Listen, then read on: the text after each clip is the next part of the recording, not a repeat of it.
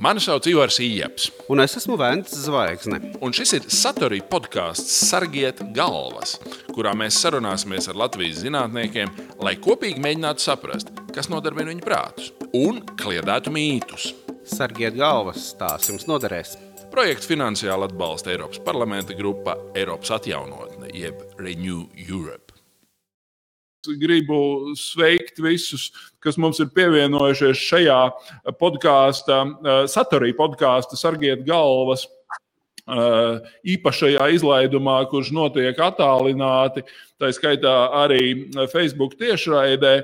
Un man ir liels prieks šodien stādīt priekšā mūsu viesņu, kas ir Juta Kroiča Eh, Jutta Kroiča ir mikrobioloģija, medicīnas zinātņu doktore, eh, Rīgas Stradiņa universitātes profesore, bioloģijas un mikrobioloģijas katedras vadītāja. Viņa savu izglītību ir ieguvusi Rīgas Medicīnas institūtā un pēc tam Zinātņu akadēmijas virusoloģijas institūtā. Uh, Vairāk grāmatu un daudz zinātnisko rakstu autori eh, pētījusi, zināt, eh, pētījusi cilvēku organismu mikrofloru, tas ir mūsos dzīvojošās baktērijas, eh, kā arī medicīnā lietoto biomateriālu, bakterioloģisko drošību.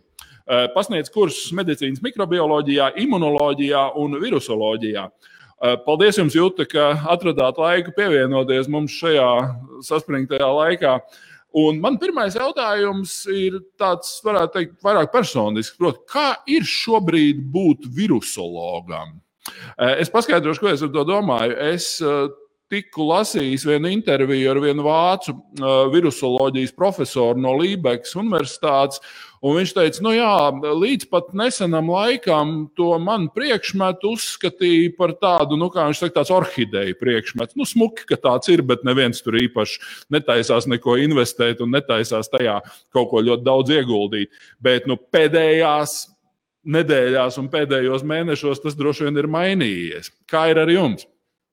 Nu, tieši tā, nu, varbūt jāsaka, diemžēl, ja, jo šī ir tāda situācija, kas nevienam mums nav iepriecinoša, un, un tomēr par daudzām lietām ir jārunā, arī cilvēkiem ir interesi, un šeit ir, lūk, virusologi, nu, droši vien tā cilvēkiem šķiet, nu, virusologs un virusologs. Ja, bet patiesībā mēs dalāmies sīkāk, vairākās nu, specialitātēs, apakšspecialitātēs ir īstie virusologi, kas ir zinātnieki. Viņi zina vīrusa, katru proteīnu, katru kā, kā, procesu, kā šis vīrus replicējās, kur viņš nonāk šūnā un tam līdzīgi, un viņi var ļoti ilgi un daudz runāt. Otra grupa ir jau praktiķi, kas ir infektologi. Viņi perfekti zina infekcijas slimību, epidemiologi, ko mēs visi tagad zinām, kas ir mūsu gaišās galvas, kas ir ļoti labi novadījuši jau līdz šim periodam šo pandēmiju un, un, un izplatību Latvijā konkrēti.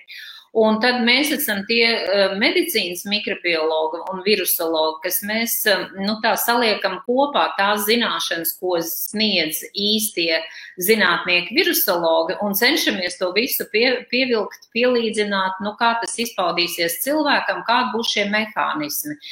Un uh, konkrēti, ka, kādā veidā mēs varam šo mehānismu varbūt pārtraukt, kā mēs varam palīdzēt cilvēkam tieši izējot no mehānismiem, ko varbūt īsti, nu, nezin, ne tie īstie virusologi, pētnieki, kurus arī nemaz tā ļoti neinteresē, ko tas vīrus dara cilvēka organismā un arī ne infektologi, kuri vairāk jau cīnās ar sekām, kur cīnās ar to klīnisko izpausmi. Tā kā šī, mēs esam tādi kā starpdisciplināri uh, speciālisti, kas uh, nu, cenšas zināt gan to vienu pusi, gan to otru.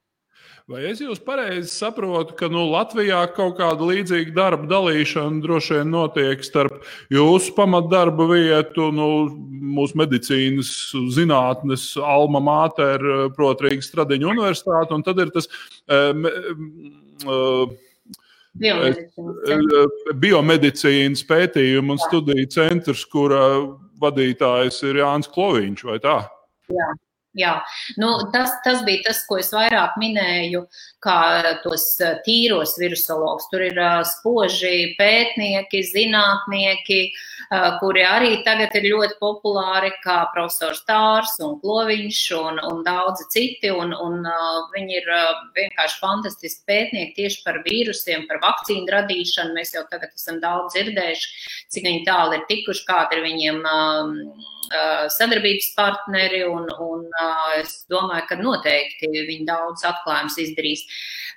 Tas jau mums ir arī virusoloģijas institūts, turpat blakus biomedicīnas centram, kur ir profesora Modra Morovska, un, un, un tur atkal ir mazliet ar citiem vīrusiem tas, tas pētījums. Tā kā daudz ir šādu pētnieku, jā. Un šajā mirklī sarunā iesaistās sarunas trešais dalībnieks, Vens Zvaigzne. nu, es laikam sākšu ar kādiem, eh, kādiem, kādiem jautājumiem par, par pašu vīrusu.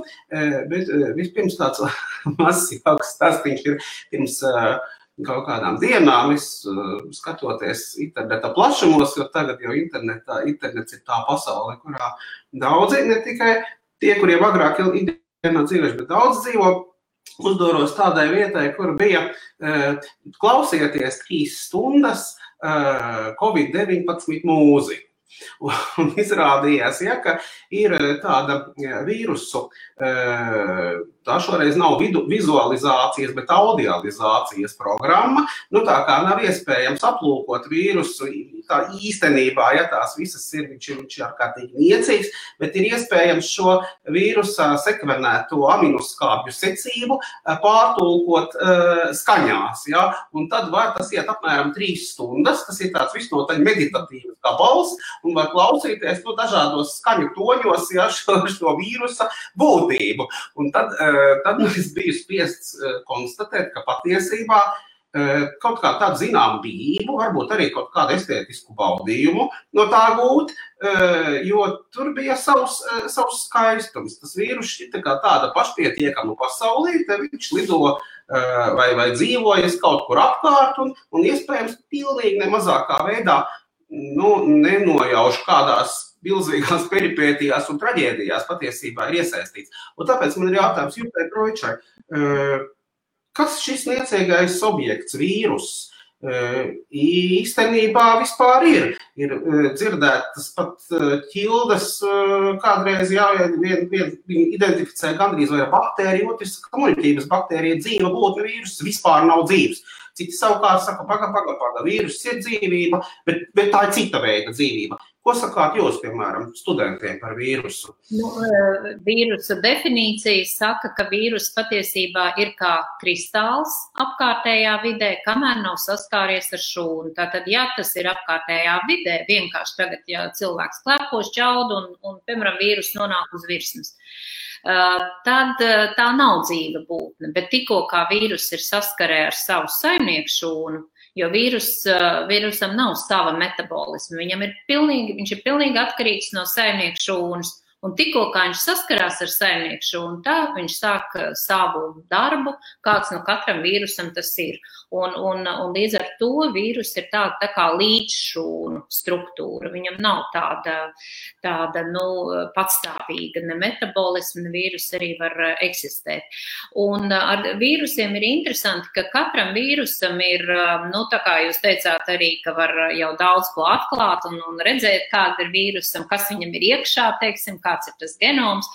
Un arī virsmas struktūras, un tās virsmas struktūras vīrusam ir tā dabā radītas, ka tas vīrus var piesaistīties konkrētai šūnai. Piemēram, ja ir cilvēkam patogēnie būs specifiski vīrusi nervu sistēmai, specifiski, kas tikai piesaistīsies, piemēram, tievajās zarnās šūnām, būs tādi, kas rīklis galā piesaistīties centrālā nervu sistēmā, ļoti, ļoti specifiski. Un dabā vispār ir šie vīrusi, ka ir cilvēku vīrusi un ir tikai dzīvnieku vīrusi. Un viņi nekādā gadījumā, nu, piemēram, ir varbūt nu, dzīvnieku sunīši. Ja sunītam ir tā saucamais suņa mērs, ja, tas nekad nebūs patogēns cilvēkam. Un daudz cilvēku infekcijas savukārt atkal nepāries sunim. Ja, tā kā vīr, vīrusi ar saviem tiem receptoriem atrod konkrēti uh, specifisku šūnu. Un, ja nepatrāpās tam vīrusam tāds šūnu pretī, tad viņš vienkārši aiziet bojā, jo viņš nav dzīves. Bet šeit sākās tas interesantais stāsts, jo uh, ir skaidrs, ka tomēr pastāv kaut kas tāds kā šīs sugu pārēji.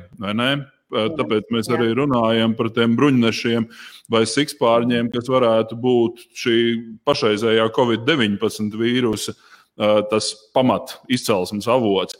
Uz Kā vai ir iespējams zinātniski pētīt tos sugu pārējais momentu, respektīvi paredzēt kaut kādus riskus, kad, piemēram, tāds pats suņu mēris vai pu, pu, pu, ir, var pāriet uz kaut kādu citu sugu?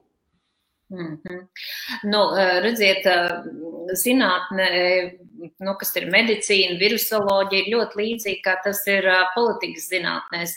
Ir ļoti vērtīgi paskatīties vēsturē, un ļoti daudzi gadījumi vienkārši atkārtojās. Un, tagad saistībā ar Covid es eh, sāku lasīt 2005. gada rakstus, kas atsaucās uz to SARS eh, smago mm, epidēmiju, kura bija 2002.-2003. gadā. Un patiesībā tagad lasot ar šādu mm, laika starpību, kas tomēr ir 15 gadi, 2005. gadā bija ļoti labas publikācijas zinātnisks eh, ar, ar atskatu atpakaļ un var vilkt paralēlus viens pret vienu. Un tas, tas galvenais, tā galvenā atziņa, kāda ir iegūta, tātad tas vīrus, kas bija mm, sarsa gadījumā, tas patiesībā bija ļoti, ļoti spējīgs mainīties.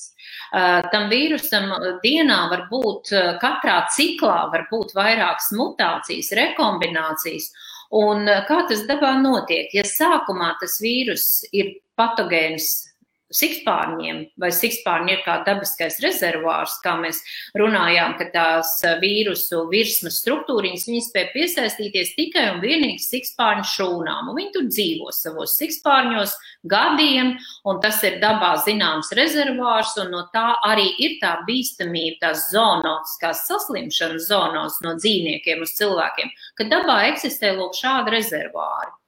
Nu, un tajā 2005. gadā tika aprakstīts, ka lūk, no tiem sikspārņiem, mazajiem tādu pakauveida sikspārnīšu, kas patiesībā ir ļoti maziņi, viņi tagad tiek vainot arī šīs, šī vīrusa gadījumā, viņi sver no 5 līdz 10 gramiem un ir apmēram 4 līdz 5 centimetrus lieli. Tie patiesībā maz mazītiņi, tādi mazi sikspārnīši Un tie sikspārņi var mm, pārlidot apmēram 30 km migrē. Un tas, kas iz, ierosināja mm, SARS 2003. gadā, tie vīrus, tie sikspārņi bija migrējuši apmēram 17 km. Tātad konkrētā areālā. Tas nav tā kā uzreiz visā pasaulē pēkšņi kaut kas notiek, bet konkrētā vietā lūk tie sikspārņi izplatījās. Un tad sākās tas interesantākais vai tas sliktākais scenārijs, ka lūk, tie vīrusi vairojās, vairojās, tad blakus ir dzīvnieks, un šoreiz šī gadījumā zvīņnesis. Tas ir mazliet citāds nekā bruņnesis, viņš arī ir uh, siltasiņa dzīvnieks. Agrāk bija runa par čūskām, čūskas augst, austas, augstasiņa dzīvnieki, tur tā kā nesenāk īstā pārnešana, bet lūk, pārgājus tiem zvīņnešiem, sarsa gadījumā tie bija Civetu kaķi, kuros vienkārši kā savairojās, tie bija tā kā tādi amplifikātori savairojās, un Mersa gadījumā, kas ir līdzīgs tuvos austrumos, tur bija atkal um, kamieļi. Respektīvi, ka tas vīrus mainās, mainās, um, un, un uh, gala rezultātā tā tie viņa virsmas receptori var piesaistīties, nu, tad zvīnesim vai tam civetu kaķim vai kam no arī tas nebūtu. Un tad jau būtu labi, ja dzīvotu tikai tajā civetkaķī vai dzīvotu tagad tajā zvīnesī. Bet, diemžēl, atkal turpinās rekombinācijas, turpinās mutācijas, un tagad tas vīrus jau ir tā izmainījis savu virsmu, ka viņš spēja piesaistīties cilvēkam, un tur sākās tā bīstamība. Un uh, ir vēl tā, ka vīrus var izmainīties vienu reizi, viņš piesaistās pie cilvēka, saslimst konkrēts cilvēku skaits, bet vīrus neizplatās starp cilvēkiem. Bet, diemžēl, tas ir šī gadījumā noticis, gripas gadījumā tā notiek, tur, kur ir visas lielās gripas epidēmijas, tur sāk cirkulēt starp cilvēkiem. Un tad jau iesaist milzīgu cilvēku skaitu. Lieliski, paldies jums par šo apgaismību, bet es jums uh, prasīšu vēl par to pašu tālāk. Proti, vien, viens vīrus uh, dzīvo ļoti neilgu laiku, vai ne? Notiek nepārtraukti šī uh, viņa, nu, viņš, viņš vienkārši okupē kādu šūnu. Uh, kura Jā. tad palīdz viņam reproducēt sevi daudzos tūkstošos eksemplāru tālāk. Tā kaut kā, ja? Jā, jā, jā, jā.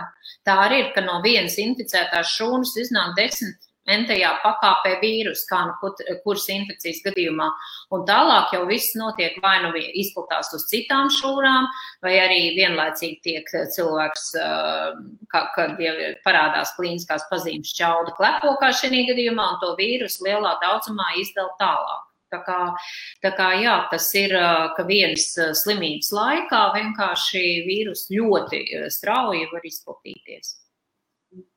Paturpinot tēmu nedaudz par šā vīrusa attiecībām ar uh, dzīvniekiem un cilvēku.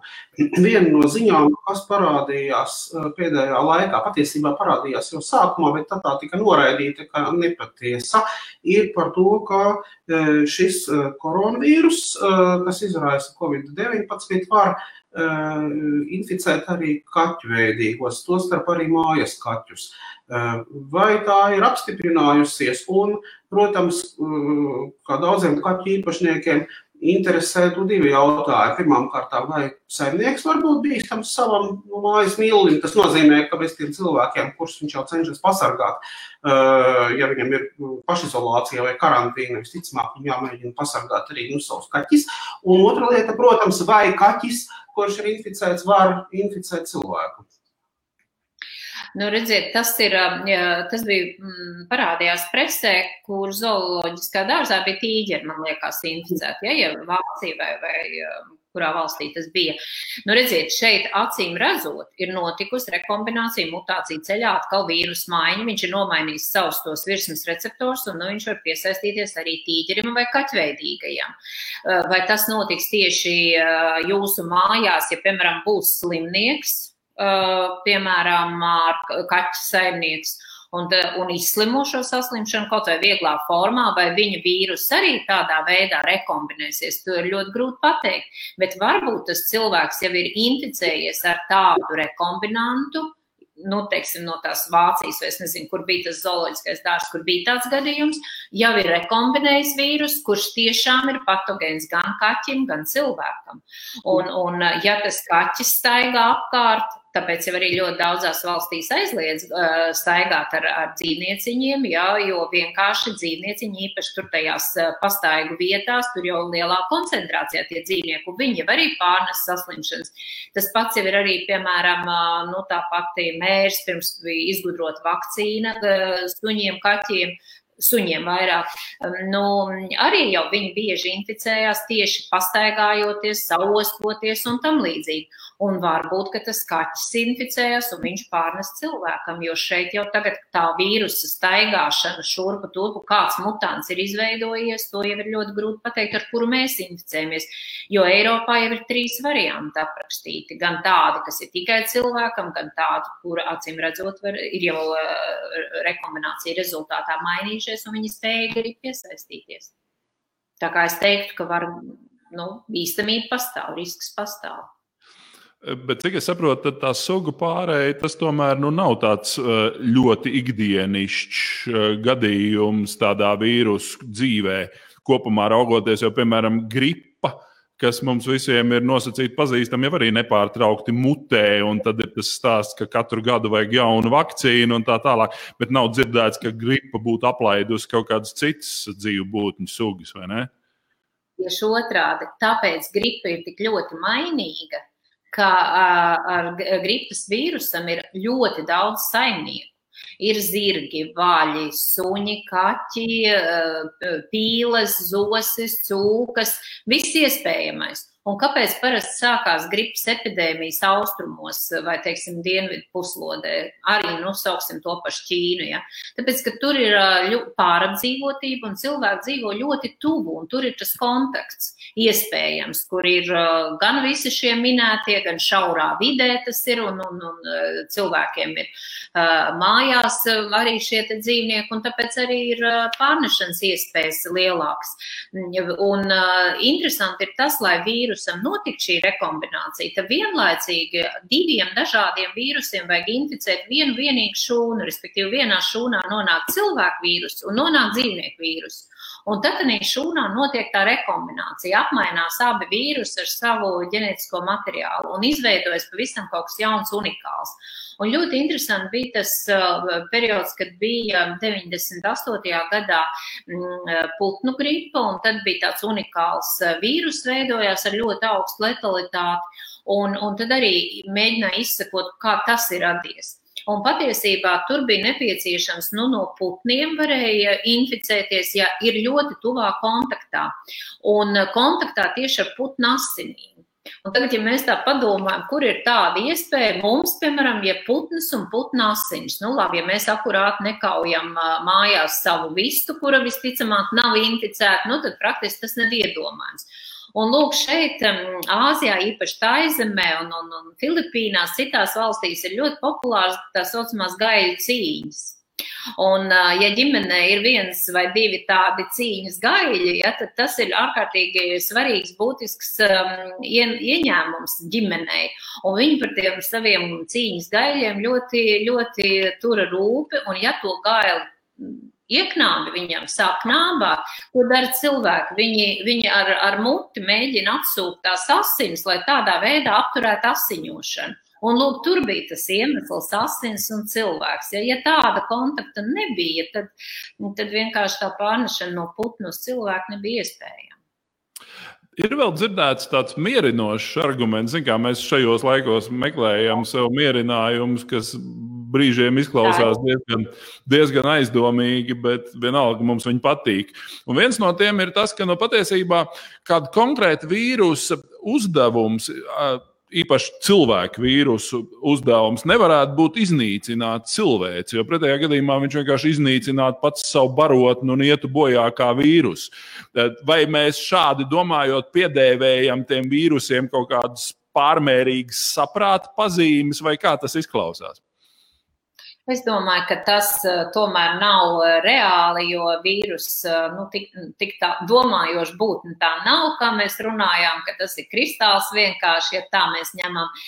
Bet uh, vīrus nes, nesmādēs, ja viņam būs pretī uzņēmīgs organisms, viņš viņu inficēs. Ja nebūs, ja mēs šķaudīsim un nošķaudīsimies uh, tukšā parkā vai uz ielas, nu, tad vīrus vienkārši aizies bojā, viņam nebūs citu variantu. Bet ja tur būs pretī organisms, viņš uh, inficēs gan jaunu, gan gados cilvēku. Tā kā principā es domāju, ka, ka nu, tādas lietas mēs nevaram piedēvēt. Bet vēl mazliet par to mācību, kas bija no 2005. gada par, par sikspārņiem, un iespējams arī tagad par uh, to runāja, tad, kad bija stāsts par tirgu, par to, ka tur cilvēki ķīnieši gatavojās svētkiem un iepirka dažādas dzīvniekus, ko viņi lieto uzturā.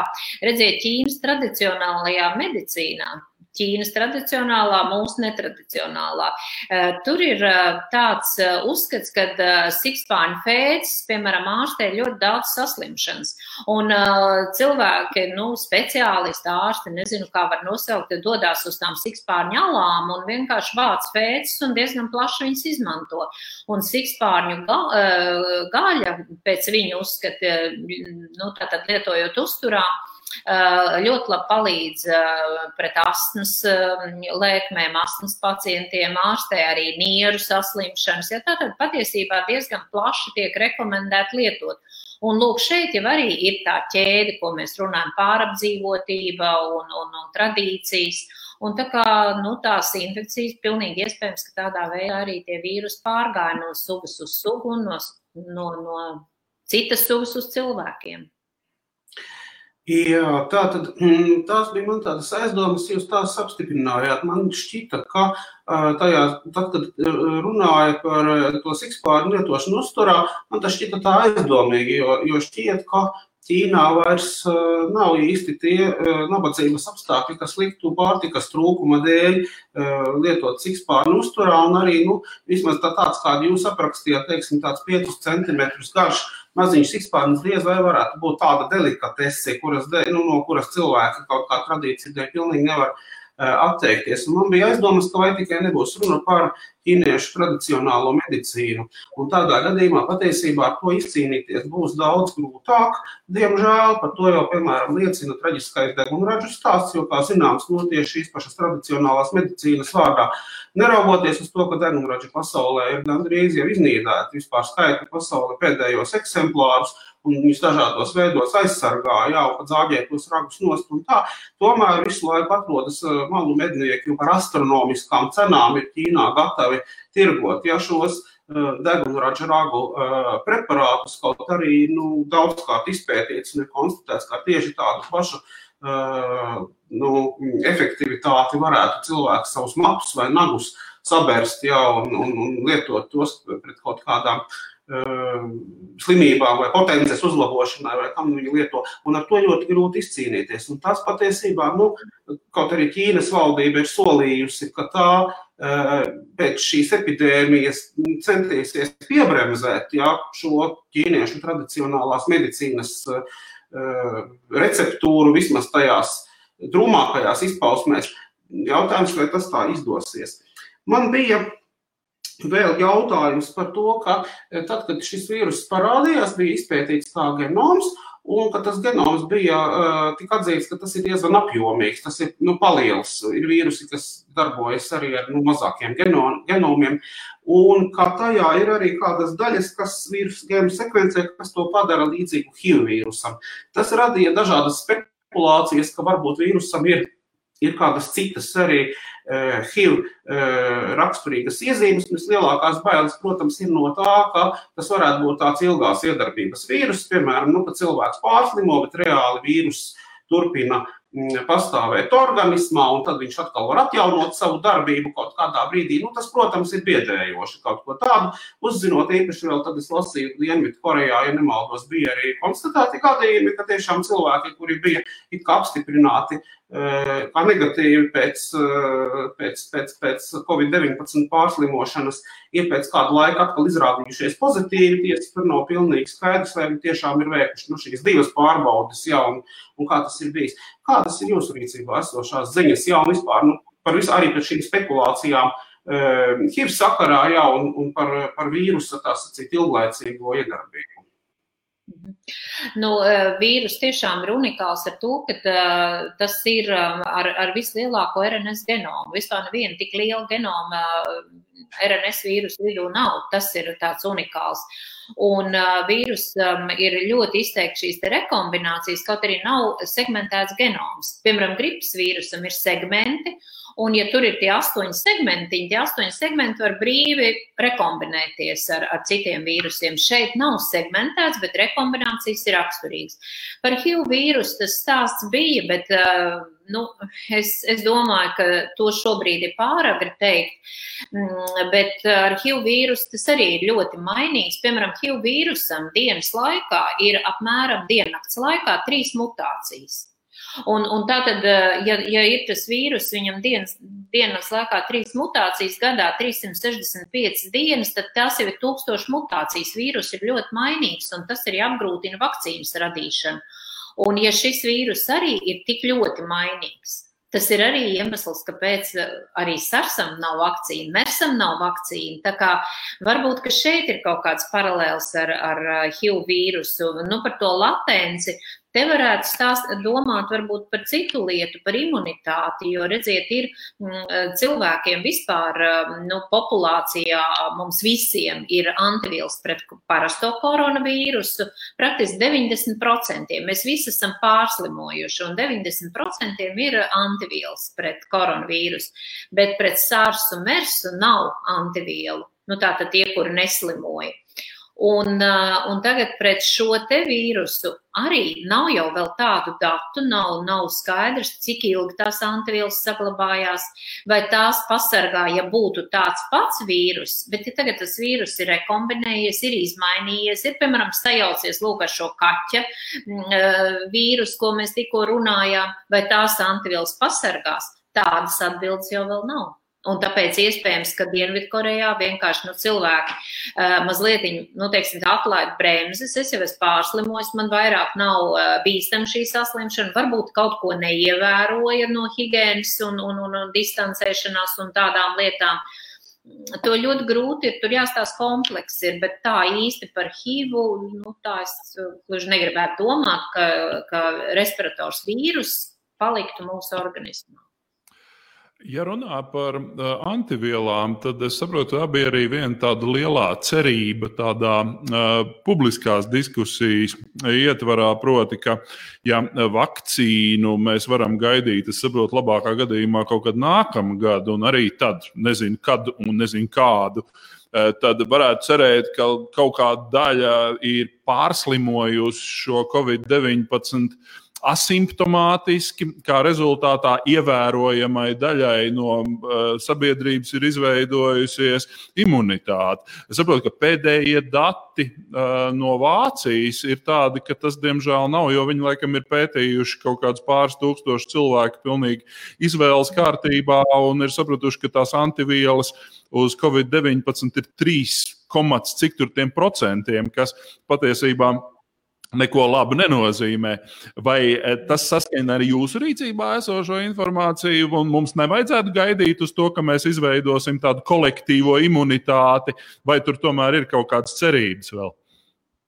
Nu, e, to ceļu gāja e, Zviedrija, tagad iet un mēģināja iet Anglijā, ja, tā saucamā pūļa imunitāte, herd immunity, un, un, un cerēja, ka tad, ja cilvēki lielākā daļa no cilvēkiem pārslimos, tad arī pārējiem nebūs bīstama šī infekcija. Nu, diemžēl tā jau nav kā mēs redzam, tad, tad gan Anglijā, gan Zviedrijā tie cipari iet augšā, un, un tā kā par to ir grūti runāt.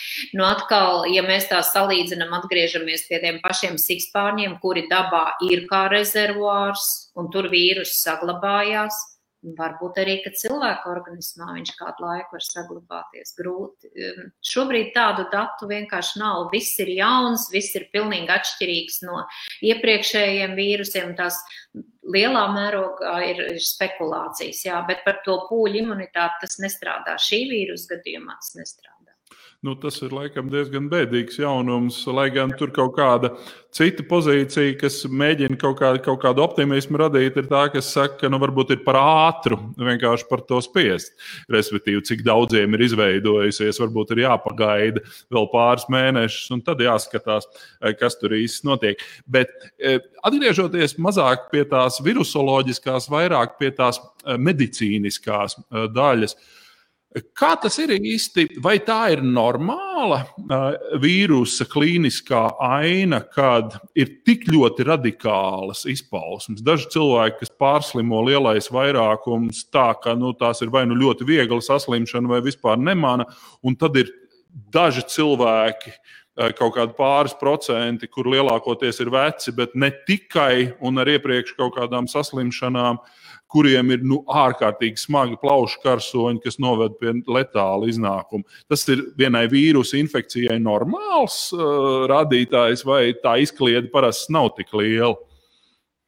Nu, parasti nav. Uh, un koronavīrus vispār ierosina vieglas saslimšanas, un tie, tie parastie, kas cirkulē katru gadu un ar kuriem arī mēs visbiežāk saslimstam, ko mēs saucam vienkārši par iesnu vīrusiem. Uh, Tie ir tie parastie iesnu vīrusi, un, un mums ļoti nemaz viņi atmiņā nav iespiedušies.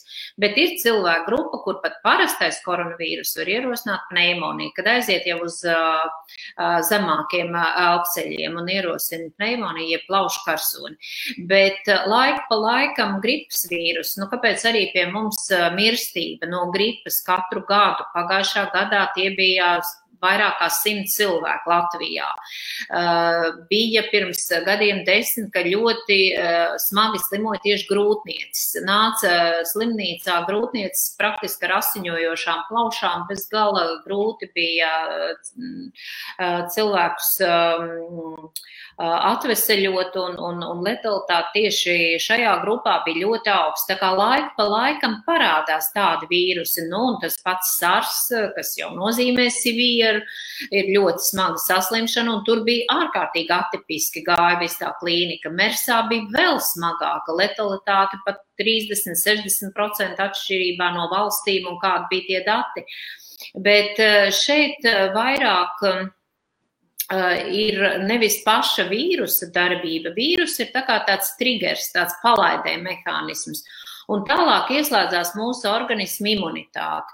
Un, un uh, sāk organisms uh, ražot dažādas, um, dažādas citokīnus, kas vienkārši ir kā normāli pie jebkura iekaisuma, nu, piemēram, tāds interleikins 6 interleikins 1, interleikins 6, tie ir citokīni, kas ir praktiski pie jebkuras infekcijas slimības. Un uh, interleikins viens aiziet, piemēram, uz centrālo nervu sistēmu, hipotalamus ar termoregulācijas centri, un tas izskaidro, kāpēc pie infekcijas slimībām ir temperatūra. Tieši tas pats notiek šeit, bet tas notiek kādā 5. 6. dienā. Tātad cilvēks sāk saslimšana ar tādiem pavisam nevainīgiem simptomiem, kakls sāps, eh, rīklētur kasa un, un klepus tāds arī it kā nevainīgs, ja, un, un, un pēc tam pievienojās iesnas un tā, un tad pēkšņi, tad jau, kas sāk, jau visas šūnas ir šos interleikīnu citokīnus eh, saražojušas, tie var aiziet uz visdažādākiem audiem, uz visdažādākām šūnām, un tur tas mehānisms ir šobrīd jau ļoti izpētīts un skaidrs ir, un, un, un tādā gadījumā jau aiziet arī uh, uz nierēm, var sākties nieru nepietiekamība, citam cilvēkam uz aknām, aknu nepietiekamība, aiziet uz smadzenēm, ļoti ietekmē asinsspiedienu, asinsspiediens uh, krītās un, un, un, un visi šie mm, pārējie mehānismi, tad attiecīgi, kad iesaistās citi orgāni, tas viss ir tā saucamās citokīna vētras, kas notiek mūsu organismā. Un ja vienam cilvēkam jau vājais punkts, punkts būs, piemēram, nieris, ja cilvēks ir gados, viņš jau ir nieris slimnieks, tad arī viņam būs vairāk prevalēs šie simptomi.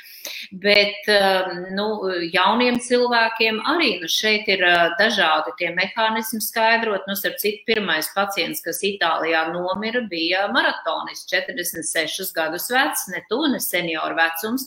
Un uh, es pieļauju, ka viņš sevi uzskatīja par ļoti sportisku cilvēku, ja viņš var noskriet maratonu un regulāri to dara.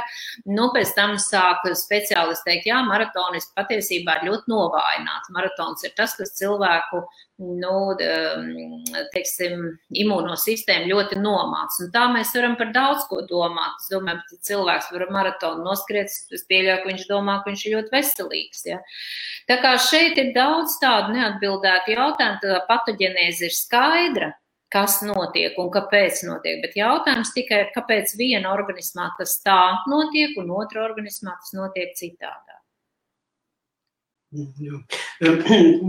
Un tas jau, ko jūs teicāt, arī iezīmē patiesībā divas, divas pretējas, pretējas ainas gandrīz vai ka tajā brīdī, kad cilvēks tikko saslimst ar covid-19, ir labāk, ja viņam ir labāka trenēta imunitāte, imunitāte ir labākā līmenī, bet tajā brīdī, kad tā slimība aiziet jau tālāk, patiesībā ir vēlams, lai imunitāte nebūtu tik ļoti aktīva, jo, jo tā izraisa pretēju procesu un patiesībā imūnsistēmas reakcija tieši ir tā, kas izraisa nu, sagrāvi katastrofālu rezultātu. Nu, nu, jā, jā. Cik es sapratu, sapratu tieši ar uh, to vēlīno stadiju, lai, lai bremzētu imūnsistēmu, bija saistīta arī vienu brīdi, kad pat ASV prezidents Trumps bija popularizējis tātad malārijas preparātu hidroksiklorohīnu, ja, ne, ja pareizi atceros, kā tieši saprotu, ka viena no šīs, šā preparāta uh, iedarbības mehānismiem ir tieši imūna supresors, ja tāda imūnsistēmas uh, reakciju vājinātājs. Bet, nu, protams, mediķi, uh, tu, tā ņemot vērā to, ka šis uh, preparāts pats par sevi ir toksisks un, un, un, un pārdozējot tā lietošanu, cilvēks var iedzīvoties nopietnās nepatikšanās, ja tad patiesībā no nu, mediķiem diez vai varēs dzirdēt nu, kādu uh, pozitīvu atbildi, pieciet, pieciet un lietojiet, īsāk teiks, nē, labāk, uh, labāk to gan nedariet. Jā. Uh, man nāk...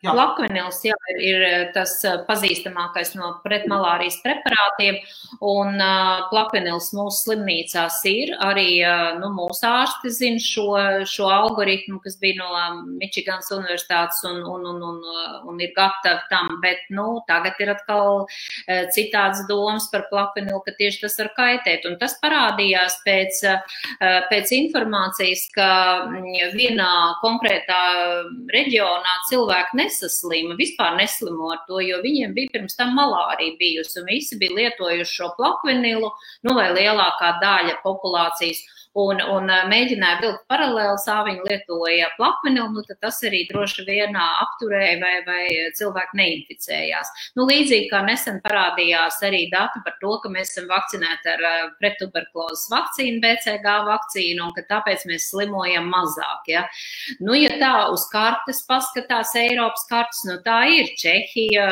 Ungārija, mēs, kur, kur intensīvi šī vakcīna vēl ar vien tiek lietota pretstatā Itālijai, kur vispār nelieto Amerikā. Viņi uzskata vispār par uh, totāli kaitīgu un, un neiesaka. Ja, tad, nu, tad atkal tas ir viens no tādiem punktiem, uh, kur varētu atrast atšķirības, lai kaut kā pamatotu. Bet tad ir jautājums, nu, kāpēc atkal Igaunijā tomēr bija uh, saslimušo un, un Lietuvā vairāk kā mums un, un, un nemaz nav tik viennozīmīgi. Tā kā tas arī ir it kā atmests. Ja, kā, nu, Nu, jā, nu. Ja, un uh, kad mēs noteikti šo visu pārdzīvosim, tur būs, es domāju, ka visām no šīm zinātnēm, gan epidemioloģijai, gan virusoloģijai, gan arī socioloģijai un vēsturei vesela virkne ar dažādiem pētīšanas objektiem, jo tur jāparaugās uz tām valstīm, kurās notiek tās vissmagākās un visplašākās saslimšanas, tad tur ir diezgan grūti saskatīt kaut kādu tādu nepārprotamu modeli, ka tieši tajās sabiedrībās izplatās un tajās neizplatās. Tur vienā brīdī bija runa, ka tās ir droši vien, nu, kā saka, tādas industriāli attīstītas un samērā turīgas sabiedrības, kuras ir globalizētas, bet tajā mirklī tur tā Irāna krīt ārā no tās kopējās ainas, kur tomēr tā epidēmija bija ārkārtīgi, ārkārtīgi plaša. Līdz ar to nu, es domāju, ka pētniecībai par šo būs vēl krietni daudz ko ņemties. Bet, ja mēs, Venta, pētniecība ja varu, ja. Man iznāca, kad es piedalījos Eiropas konferencē mikrobiologu tūlīt pēc SARS epidēmijas. Un uh, epidemiologi vispār tā ir ļoti interesanta specialitāte. Epidemiologs strādā kā izmeklētājs. Viņam jāsaprot konteksts, kur tu biji, kur gāji, ko, ko darīji, kad, kad varēja būt, ka tu nemazgāji rokas, ar ko tu biji kontaktā. Un tikai šādā veidā, kā tāds pēdzinis, epidemiologs var atrast to patieso saiti. Un tajā kongresā arī ļoti pa stundām, pa dienām visu stāstīja, kādā veidā infekcija izplatījās, jo patiesībā nu, ļoti ātri tā nokļuva Kanādā. Kanādā, un Kanādā bija pār pa 200 uh, mirušo. Ja, tā kā vispār uh, nu, globalizācija un tā izplatība ir iespējama. Bet šeit, um, nu, par, par valstīm runājot, ja mēs pa Itāliju skaitam un velkam paralēlus, nu, pieņemsim ar Igauniju, mēs sev varētu pielīdzināt Igaunijai un, un, un teiksim, pretstatā Itālijai.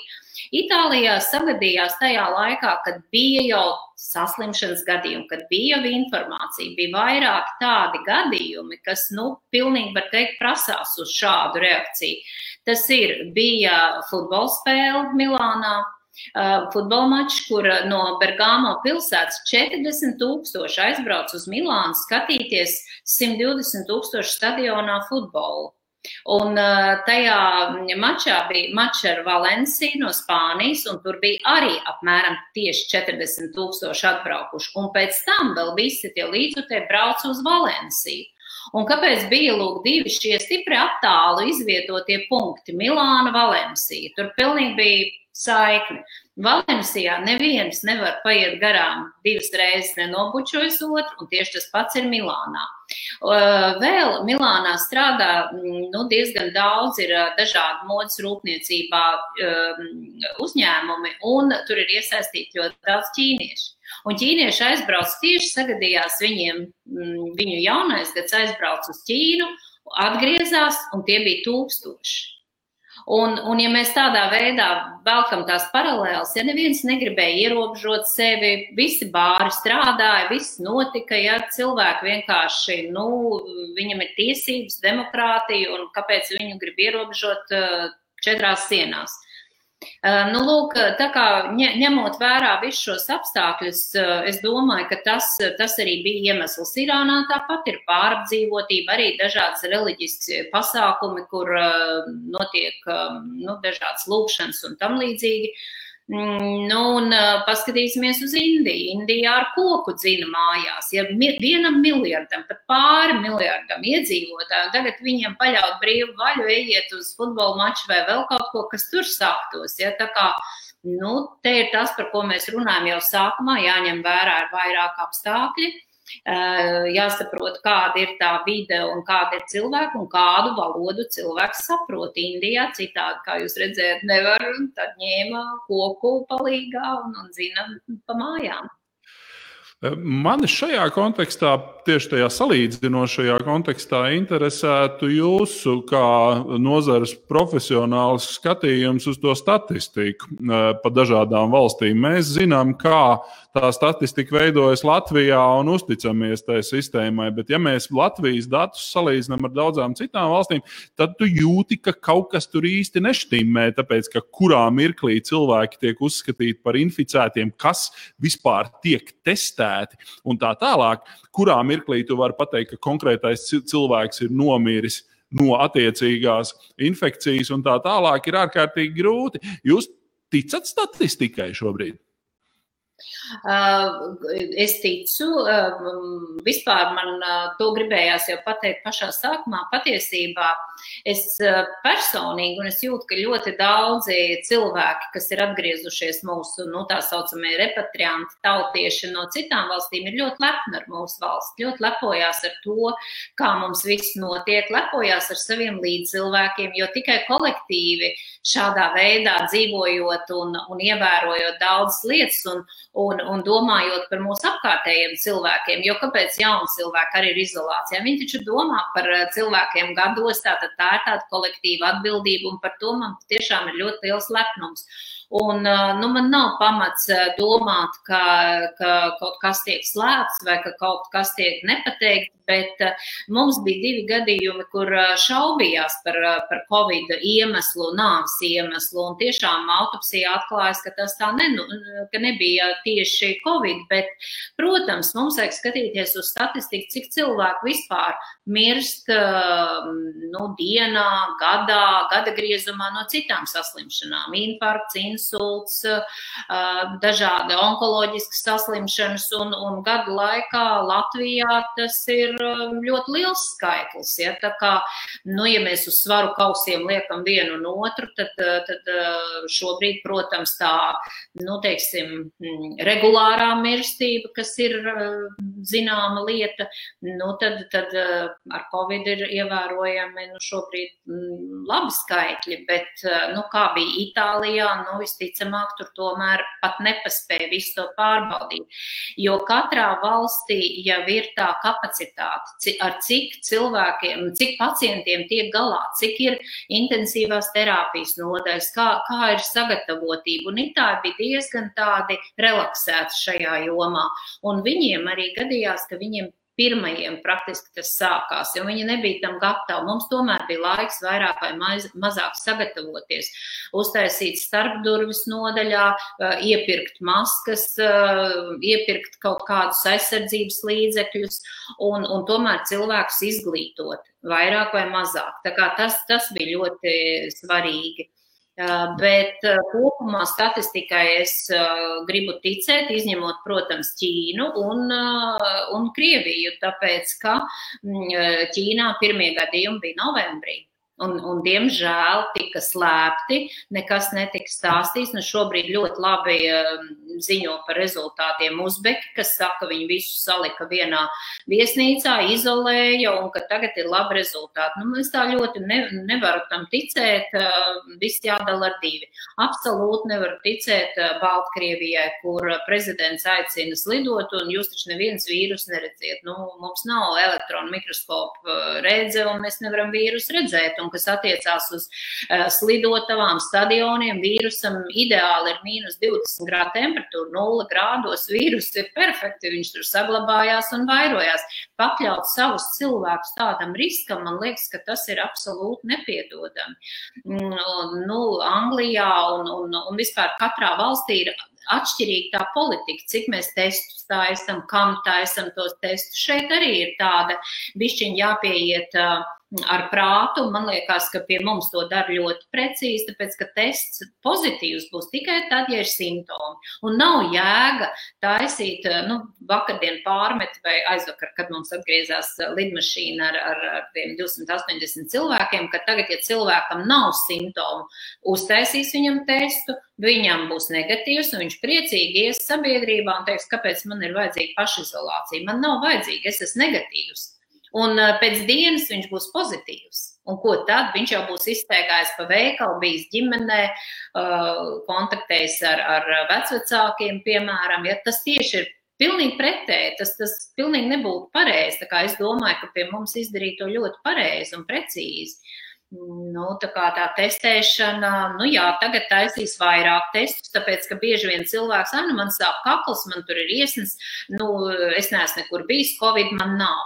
Un tādus netestēja, bet tagad aprīļa beigās, kā ir solīts, apmēram 3000 testus, arī visus šos šaubīgos pārbaudīs. Varbūt, ka cipars ies uz augšu. Nu, un par statistiku runājot, bija Amerikāņi arī tādu pētījumu par Latviju veikuši un solīja 24. aprīlī trīs scenārijus. Vai nu galīgi labu, galēji sliktu, kur ir pār par simts mirušo dienā, un tādu vidēju mērenu. Tāpēc tu tiek ņemts vērā ar koeficientu reizināts, piemēram, Svētku dienas bija lieldienas, ja, nu, kad cilvēki ies kopā, paliek labāks laiks, siltāks laiks, cilvēki ies ārā, dārzos, komunicēs un tam līdzīgi. Un tad reizina ar kādiem koeficientiem, tur ir sarežģīta formula, un tad lūk, nonāca pie šāda secinājuma. Ja? Bet atkal es gribu to teikt, viņi neņēma vērā mūsu mentalitāti. Ja pateic sēdēt mājās, mēs godīgi sēžam mājās. Ja? Tā kā, nu, es ceru, ka būs tas amerikāņu labākais scenārijs. Bet, nu, vāciešiem interesanti tas, ko jūs arī pieminējāt, viņi rēķina viens pozitīvais vai viens slimnieks um, aplipina, ja tā var teikt, vai pārnes vīrusu vienam cilvēkam. Sākumā bija diviem, tagad vienam, un šobrīd jau Vācija saka 0,7 cilvēkiem, tas jau ir ļoti labi. Mums nav tik slikti, ka, mē, ka katrs pozitīvais aplipina vēl vienu cilvēku.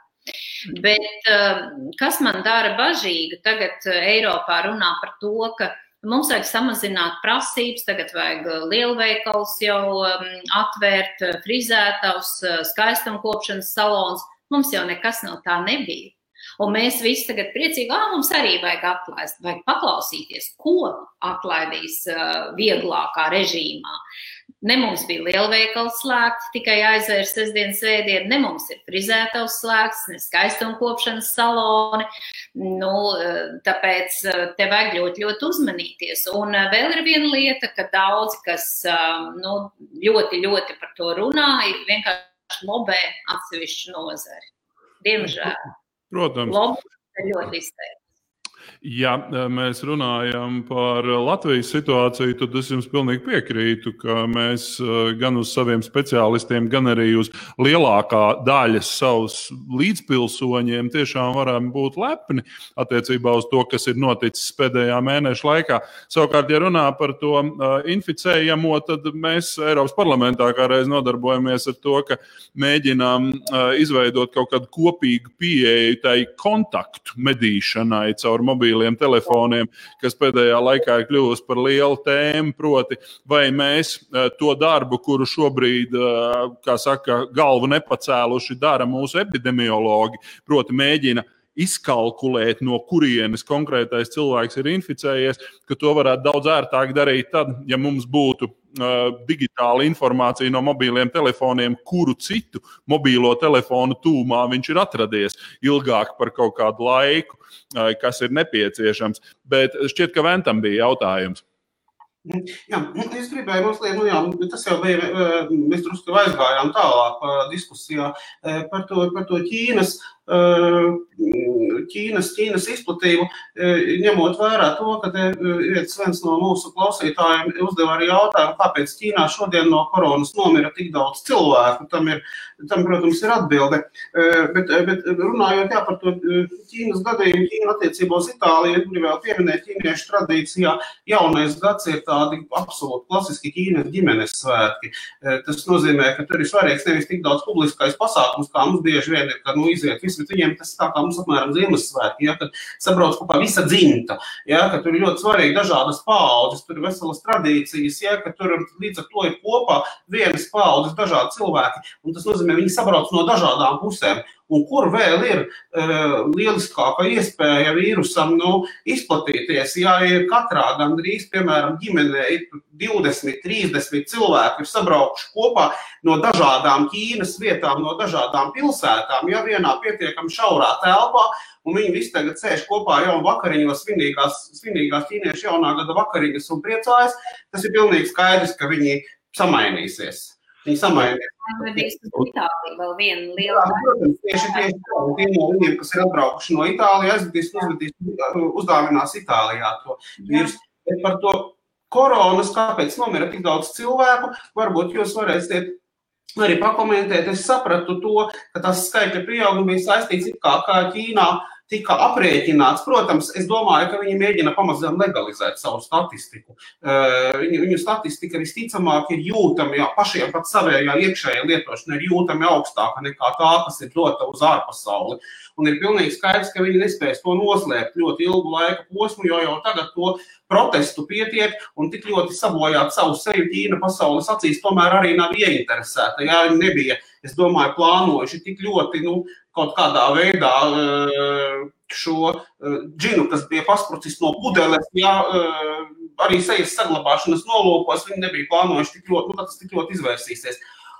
Un tagad viņi to uzdod, ka tas skaitlis it kā ir sarēķināti vēl tie cilvēki, kuri nesot nonākuši medicīnas iestāžu uh, uzraudzībā, respektīvi, nes, viņi esot apkopojuši datus par uhaņu, un, un tad ir nācis klāt šis skaitlis līdz ar to tajās statistikās, ja, ko mēs redzam pēkšņi Ķīnā ir ļoti liels lēciens salīdzinot ar to, to, to, to parasto laiku, tāpēc, ka pienākuši klāt šie aprēķini dati nav tā, ka tur pēkšņi atjaunojies vīrus un ļoti strauji vienā dienā būtu nomiris ļoti liels skaits cilvēku. Viņi vienkārši ir iedevuši šo statistikas datus. Nu, Apticēt viņiem vai neticēt, ka tie ir bijuši tie, par kuriem viņi līdz šim nav zinājuši, nu, tas ir katra paša uh, uzticībā, um, uzticībā Jā. vispār.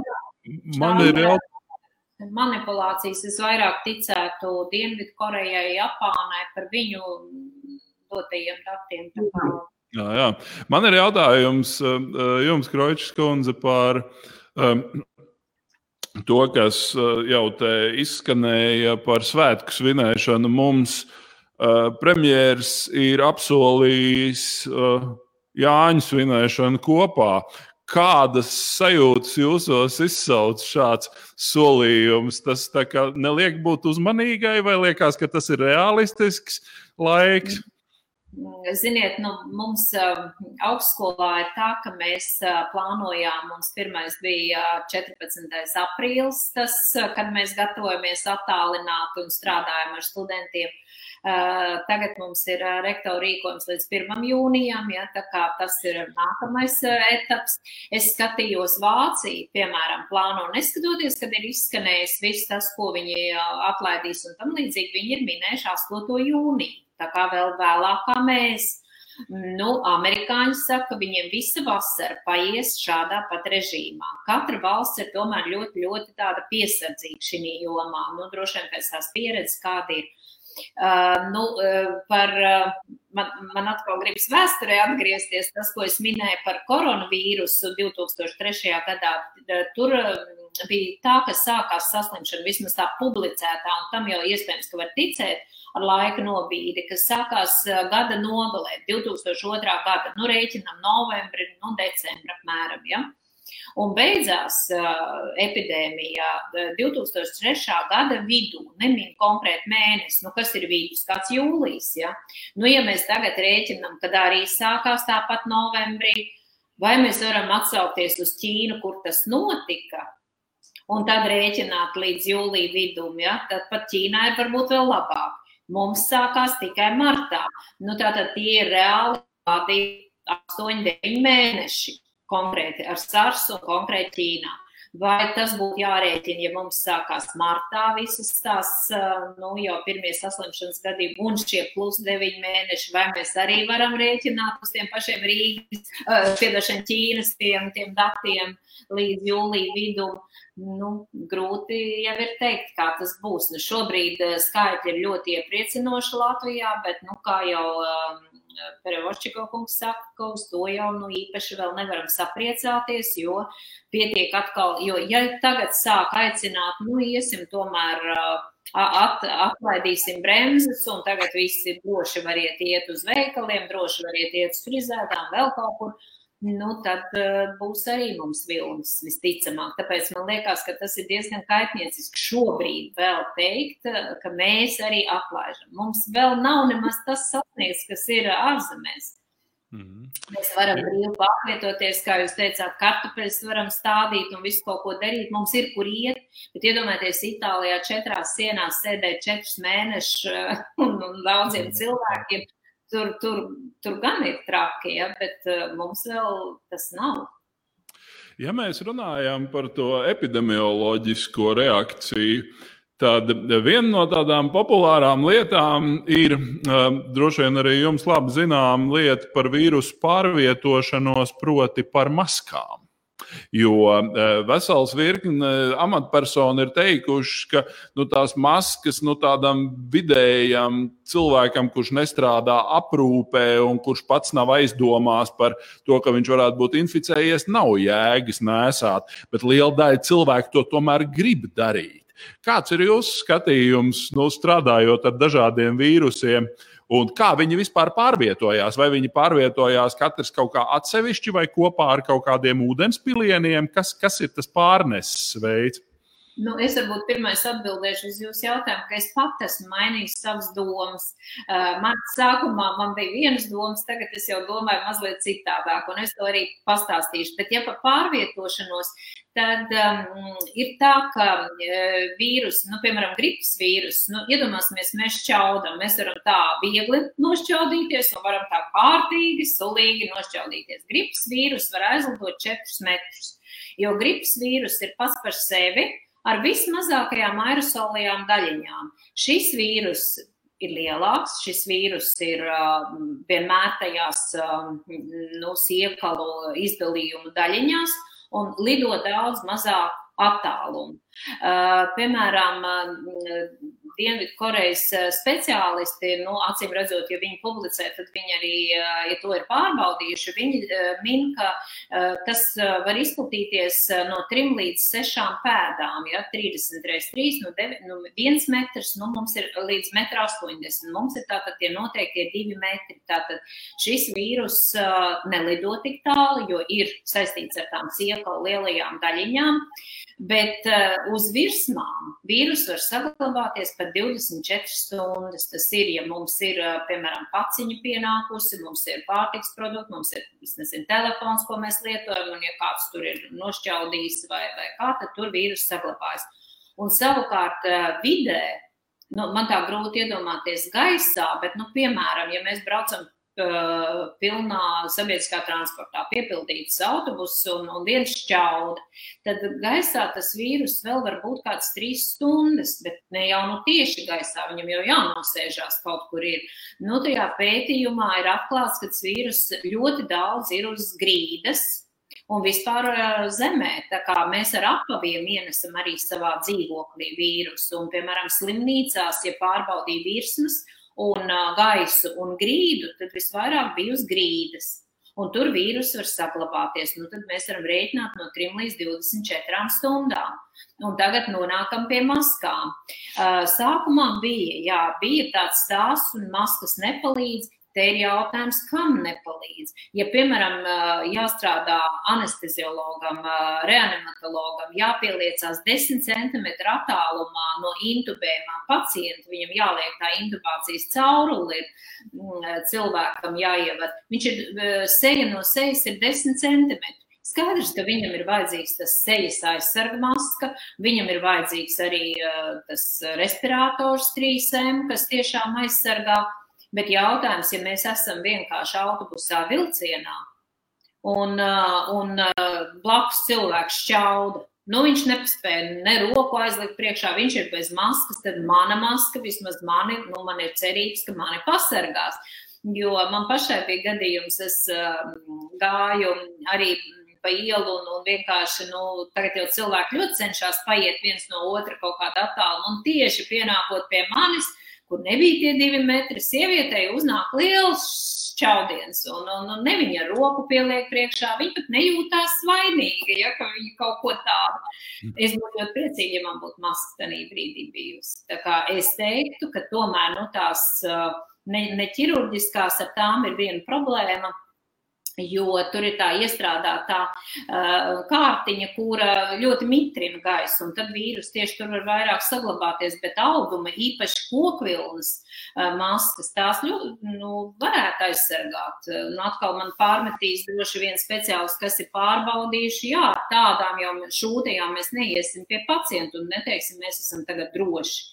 Bet uh, sevi pasargāt, vai arī, ja man tiešām uh, nu, ir tas kleps vai jāšķauj, nu es citus vismaz neaplipināšu. Tas ir vairāk no šāda iemesla. Uh, nu, skatoties atkal tā, ja mēs runājam par asimptomātiskajiem pacientiem, viņam simptomu nav, viņš domā, ka viņš ir vesels pilnīgi, uh, bet viņš izplat. Tad kā viņš izplatās? Nu, tāpat viņam ir uh, siekals, runājot, vai, vai tam līdzīgi ar lielajiem pilieniem. Ja ir kontaktā, tad uh, būtu labi, ja viņam būtu maska. Mēs nonākam pie tā, ka būtu labi, ja visi lietotu maskas. Vismaz tādu nu, labu. Kas mums ļauj atgriezties pie vienas rokdarba tradīcijas, ka cilvēki paši varētu sev mājās taisīt dažādas skaistas maskas ar izšuvumiem un, un uzrakstiem un tā tālāk. Vent, vai tev ir kaut kas pavaicājums? Man savukārt ir viena tēma, kur es gribētu atvērt mūsu sarunas pašā noslēgumā, eh, proti par nu, iespējamiem pozitīvajiem scenārijiem. Bet, Vent. Eh, Jā, es par, es par maskām vēl gribēju piebilst, un arī saņemt Kročas kungas apstiprinājumu vai noliegumu.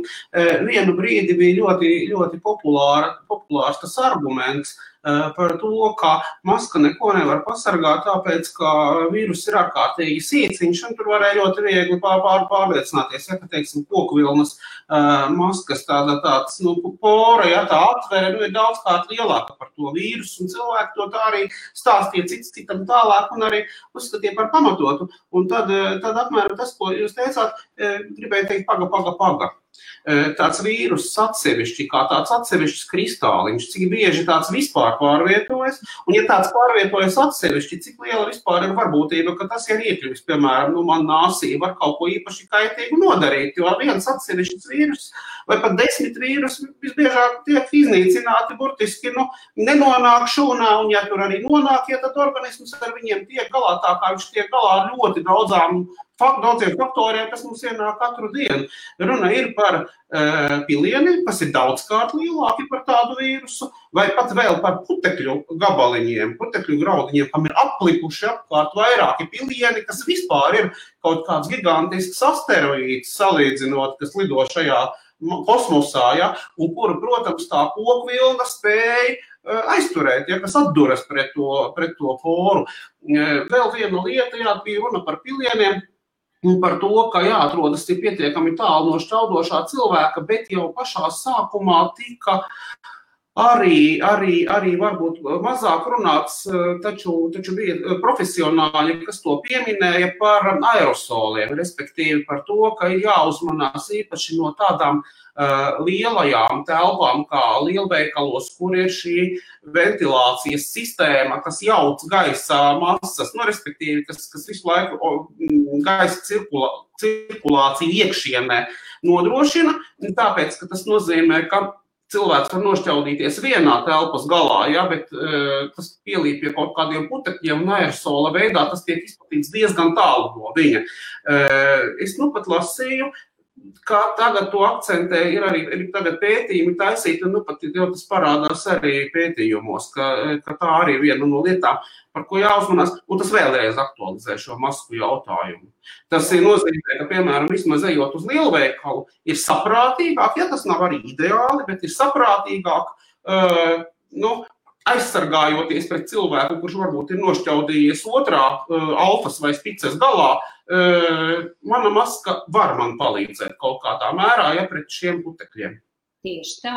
Un uh, vēl jau ne tikai lielveikalos, bet arī iestādēs ir, kur ir centralizētā gaisa apmaiņa un uh, kondicionēšanas iekārtas. Nav tā kā agrāk bija kondicionieri istabā pie sienas, bet tas notiek centralizēti. Tur arī ir gaisa apmaiņa. Un, un, starp citu, bija tādi gadījumi, kur bija piektā stāvā cilvēks inficējis un trešā stāvā. Un jautājums, kā nonāca? Tas ir tikai šādā veidā. Nu, tikai atkal ir tā, vai mēs birojā sēžot vienmēr turēsim to masku. Tātad arī šeit ir tā bīstamība. Ja? Bet šajā pašā sakarā es vēl gribēju pieminēt, mēs diezgan baidamies vienmēr no lidmašīnām, ka tur arī notiek gaisa cirkulācija lidmašīnā un ka tur arī šī iespēja. Un es uzvaicāju speciālistus, un tur tā nav. Izrādās, ka to gaisu, ko ievelk iekšā lidmašīnā, kad notiek gaisa apmaiņa, tur gaisa iziet 90 grādu karstumam cauri.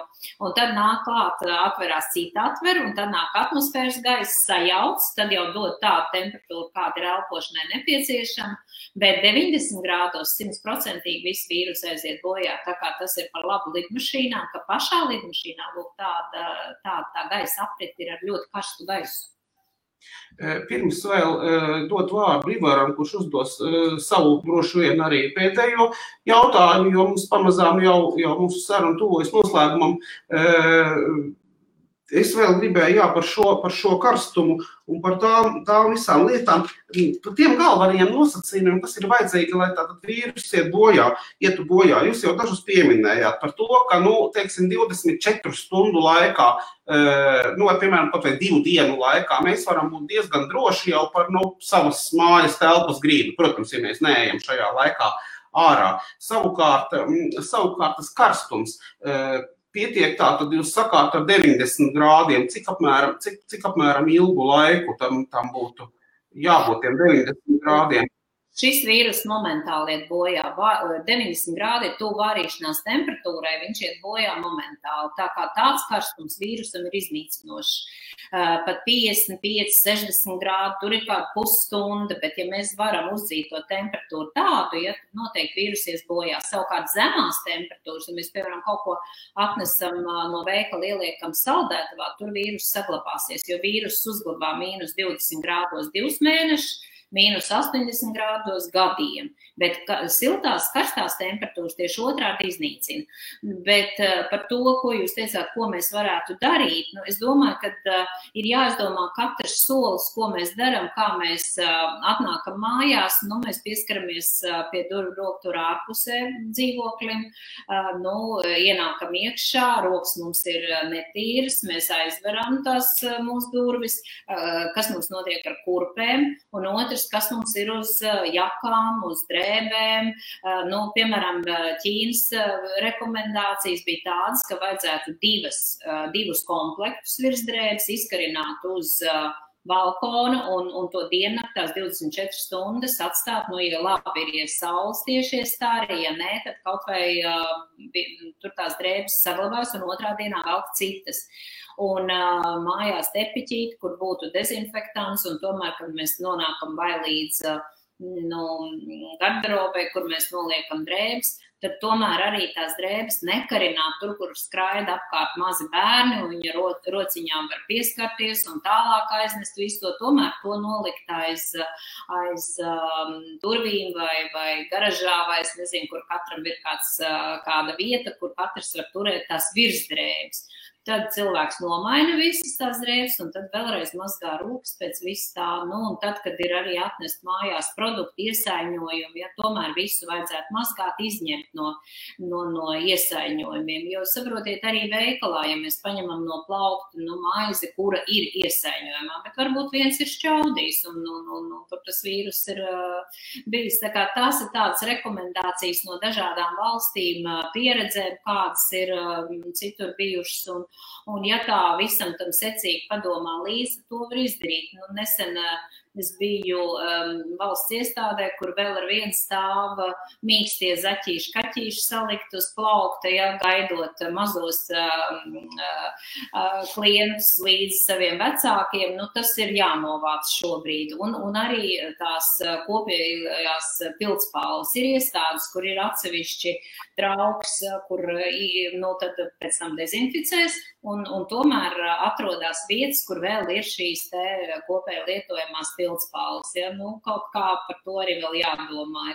Nu, nu, nu, tādas lietas ir jāievēro. Nu, ko es varētu tā no sevis maskas vietā ieteikt, ko dara vecie virusologi, mani skolotāji, kas vēl mani ir mācījuši, es un es mācu arī jaunos. Vienkārši mums ir tās ieejas vārti jāizslēdz kaut kā. Nu, ja mums ieejas vārti ir acis, tad, ja mums ir brilles, tad, tad nu, neuzšķaudīs tieši virsū mutē. Mēs neskarsimies klāt, ko mēs varam ar degunu darīt. Un viens no tādām senu senajām metodēm ir, ka mēs degunējās iesmērējam krēmu, kas vienkārši vīrusam neļauj iekļūt iesvārtos. Viņš ieķep iekšā tajā, tajā lipīgajā masā, un tad mēs ar salvetu vēlāk šņaucam, izšņaucam vīrusu laukā. Nu, un, un, nu, ir, mums ir iespējams varifāni, ir, ir dažādi rinogēli, vēl kaut kas, kas ir tādi želē veidīgi. Vai, ja nav pie rokas, tad var nīvēja krēmu paņemt, iesmērēt degunā, un tas būs līdzvērtīgs maskai. Paldies jums par šiem praktiskajiem ieteikumiem. Es pieņemšu praktiskai lietošanai vismaz to, ko jūs teicāt par virsdrēbēm. Uh, un par degunu krēmiem. Bet man tas noslēdzošais jautājums ir, ja jums būtu jādod tāds tīri personisks vērtējums, no kā mē, mums nākotnē vajadzētu sagaidīt nu, to tikšanu ārā no šīs krīzes, kur es saprotu, ka ir vairāk faktoru, kas mums varētu palīdzēt. Pirmais, es saprotu, ir tīri bioloģiski tas, ka tas uh, vīrus smutē vai ne? Un ka viņš varētu ar laiku kļūt mazāk bīstams un mazāk, mazāk briesmīgs. Otrām kārtām, vai tā ir zinātnē? vakcīna vai kaut kāda terapija un diagnostika, kas varētu mums ātrāk ļaut iet uz priekšu un atbrīvoties no visām tām sliktajām sekām, ar ko šī saslimšana ir saistīta. Vai arī tā ir tiešām tā pašdisciplīna un izolēšanās, kas ļaus mums vislātrāk, nu, tā, pārvarēt šo krīzi un tikt ārā. Kur jūs redzat to kombināciju? Nu, īsti mēs varēsim spriest tikai tad, kad tas viss būs beidzies, jo ir dažādi scenāriji. Ir Anglijas scenārijs, Zviedrijas, Itālijas, varbūt teiksim, mūsu scenārijs. Ja, tā kā to, to eh, mēs varēsim lemt mazliet vēlāk. Un interesanti ir arī tagad, ka cilvēki dod tādas vai rekomendācijas vai kaut kādas prognozes, vienmēr piesaka datumu, kurā viņš to ir teicis. Ja, paiet divas nedēļas, un gan viņš pats sevi jau uh, apstrīd, un, un, un ir jau citi dati palikuši un tā, tā kā nu, šajā brīdī man gribētos domāt, kā viss sācies, tā viss arī beigsies, nu, ja es teiktu pats no sevis, jo redziet, kā ir, nu, tam vīrusam vajag būt vidē, kur, kur vīrus uh, iekļūst. Nu, es nedomāju, ka mēs varam tik ļoti, ļoti izolēties no ārējās pasaules, mums atkal brauks cilvēki iekšā, varbūt ievedīs, varbūt neievedīs, grūti teikt, bet ja mēs būsim ļoti disciplinēti, nu, man gribētos domāt, ka vismaz uh, tad tas saslimušo skaits būs būs tik liels, lai mūsu ārstniecības iestādes tiek galā ar smagajiem slimniekiem. Mēs zinām, ka tas ir ļoti grūti eh, un process ir ļoti smags, bet vismaz nav tā milzīgā izvēle jāizdara ārstam, kuram dot to mākslīgo ventilāciju, kuram nedot, un, un, un kurš būs perspektīvāks un kurš nē. Lai tas saslimušo skaits mums būtu tāds ļoti, ļoti lēzens, zems un lai tiešām nebūtu nu, tā, ka, eh, kā mēs skatāmies citur, ka cilvēki gaida rindās ārpus slimnīcām un netiek vispār pie palīdzības. Un, un ja tas iet tā lēzeni, tad iespējams, ka lēzeni arī tas lēnām pārstās eksistēt, jo, nu, ja mēs pabeigtu uz pozitīvu notu, man par vīrusiem ir grūti teikt, bet, piemēram, baktērijas, ja mēs skatāmies uz iepriekšējām epidēmijām, nu, viduslaika mēris, citas smagas saslimšanas, kas ir bijušas, arī sākās, nopļāva ļoti daudz cilvēku, cilvēki gāja bojā. Un pēkšņi apstājās. Jautājums, kāpēc? Kāpēc mūsu organismā, jūs arī minējat, kad es pētu mikrobiomu un baktērijas, kāpēc mums ir tik daudz baktēriju un kāpēc nav vairāk, piemēram, zārnās, kuņģī vai kā? Nu, ziniet, atbilde ir tāda, ka mūsu organismā bez baktērijām ir vēl viroms. Nevis bakterioms, bet viroms, respektīvi ir vīrusi, kuri un uz vienu baktēriju ir desmit vīrusi. Un tātad, ja mūsu organismā parādās baktērija, nu, piemēram, mēs izslimojam piecu dienu laikā, daudz saka, jā, veidojas antivielas un cilvēks paliek vesels. Nē, antivielas veidojas septītā dienā. Kāpēc mēs izvesļojamies piektajā? Tāpēc, ka uz vienu baktēriju ir desmit labie vīrusi, kas to baktēriju iznīcina. Un uh, tie ir baktēriju vīrusu fāgi, un, un mēs tagad ar uh, manu doktorantu Kārlu Rāceni, kas ir jaunais speciālists zinātnieks, popularizējam, jo šī tēma mums abiem ir ļoti tuva, un mums jau ir pirmie labie rezultāti ārstēšanā, kā var izmantot, un tagad uh, Eiropā, pasaulē fāgi tie ir, ir arvien populārāk paliek, nu, kā pētījuma objekts, tāpēc, ka vienkārši nav antibiotika, ar ko ārstēt bakteriālās infekcijas. Un fāks varētu būt viena no tādām lietām. Un uh, par vīrusiem, kas ir vēl tam vienam sliktajam vīrusam, cik ir tādi, kas viņu iznīcina, tādu datu nav, vai ir vēl kaut kas mazāks par vīrusu. Bet iespējams, ka ir. Kāpēc pārtraucās SARS toreiz? Kāpēc neizplatījās? Kāpēc MERS pārtraucās? Man uz to nav atbildi. Mhm. Paldies jums, sirsnīgs. Jā, labs, tas bija, es domāju, ka gan izglītojoši, gan arī iedvesmojoši skatīties uz pasauli ar viņu neitrālu un zinātnisku pamatotu skatījumu. Es ceru, ka man būs iespēja pateikties jums arī klātienē kaut kad vēl tuvāko mēnešu laikā, kad beigsies vismaz šis pašizolācijas cikls. Līdz ar to paldies arī Ventam, paldies visiem, kas skatījāties. Nu, un tad mazgāsim rokas, klausīsimies, ko mums saka speciālisti, un būsim veseli. Un vitamīnu daudz, dzersim D vitamīnu, lai būtu stipri. Sargiet sevi. Paldies jums! Paldies! Es arī saku eh, gan mūsu viesņai Jutai Kroičai, gan Ivaram par, eh, par šo sarunu, un es jau varu piebilst pēc, eh, pēc tā, par ko jūs pabeidzāt, ja, par bakteriofāgiem un vispār par šo ārkārtīgi interesanto, mm, interesanto tēmu.